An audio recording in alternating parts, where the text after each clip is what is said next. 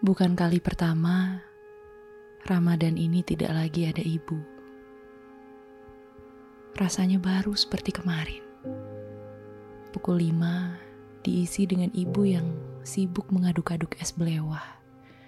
Sedang bapak membuat lelucon yang itu-itu saja. Dan seperti biasa, ibu tertawa. Terhitung sudah 10 tahun lalu menunggu waktu berbuka bisa terasa sehangat itu. Kini sore jelang maghrib kami biasa-biasa saja. Aku sibuk menyiapkan menu berbuka yang tidak jauh-jauh dari telur balado, sambal goreng kentang, dan sayur bayam. Sedang bapak sibuk menyirami tanaman obat di halaman belakang. Satu-satunya yang masih hidup setelah kepergian ibu. Ingatan soal ibu hidup di tiap-tiap sudut rumah kami.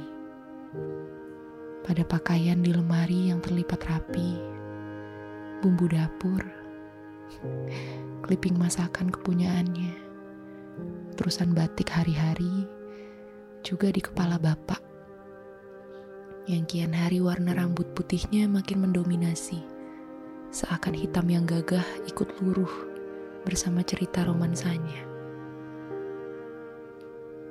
Azan maghrib sayup-sayup terdengar dari surau di belakang rumah. Bergegas aku menyusul bapak di belakang dengan dua cangkir teh hangat di nampan. Kutemui bapak yang sedang duduk. Tangan kirinya menggenggam jus ama. Janjinya belajar mengaji pada ibu sejak pengantin baru. Pak, tehnya sudah maghrib.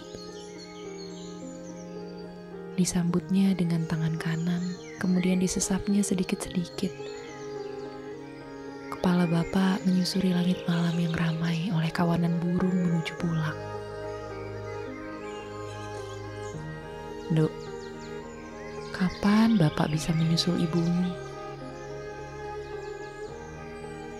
Kurasakan rindunya yang tidak main-main. Tangan kananku menepuk-nepuk bahu kirinya. Kepergian ibu bagi kami sama halnya dengan kehilangan dunia, kehilangan harapan, kehilangan kehidupan. Atau seperti rumah yang kehilangan pilar utamanya. Kehilangan akan apa pun dan siapa pun.